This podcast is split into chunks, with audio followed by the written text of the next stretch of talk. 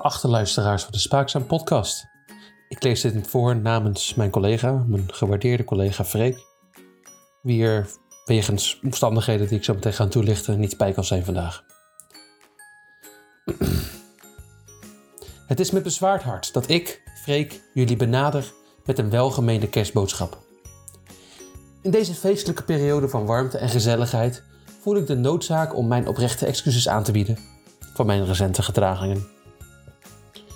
Het spijt me diep dat ik jullie vertrouwen heb geschaamd, uh, geschaad, mijn oprechte excuses, door ongepaste acties tijdens onze opnames van Spaakzaam. In mijn poging om een verfrissende sfeer te creëren, ben ik over grenzen gegaan en heb ik ongewenste intimiteiten veroorzaakt, zoals het verhogen van de ventilatorsnelheid gericht op kledingkeuzes. Ik wil benadrukken dat mijn intenties nooit kwaadwillig waren.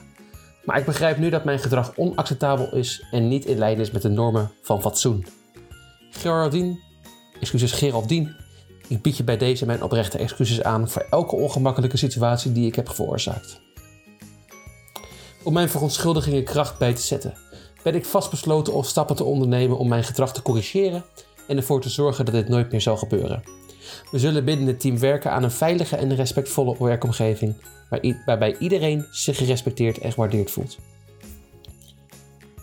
Ik hoop dat jullie, ondanks deze spijtige situatie, in staat zijn om de zware. Ik kom er even niet uit mijn woorden. In staat zijn om de ware geest van kerstmis te omarmen en vrede en vreugde te vinden in deze feestelijke tijd. Nogmaals, mijn oprechte excuses voor mijn fouten.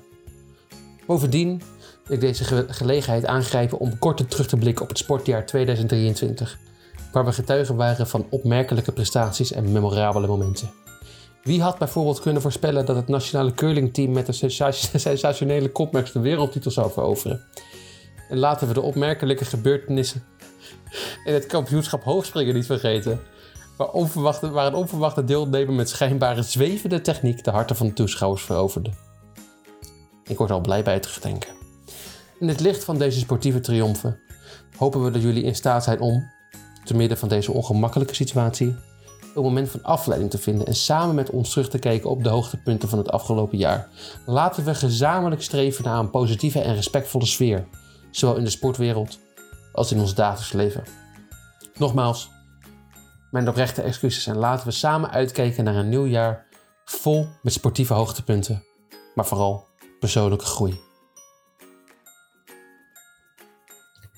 Met sportieve kerstgroet, de gehele Spaakzaam redactie.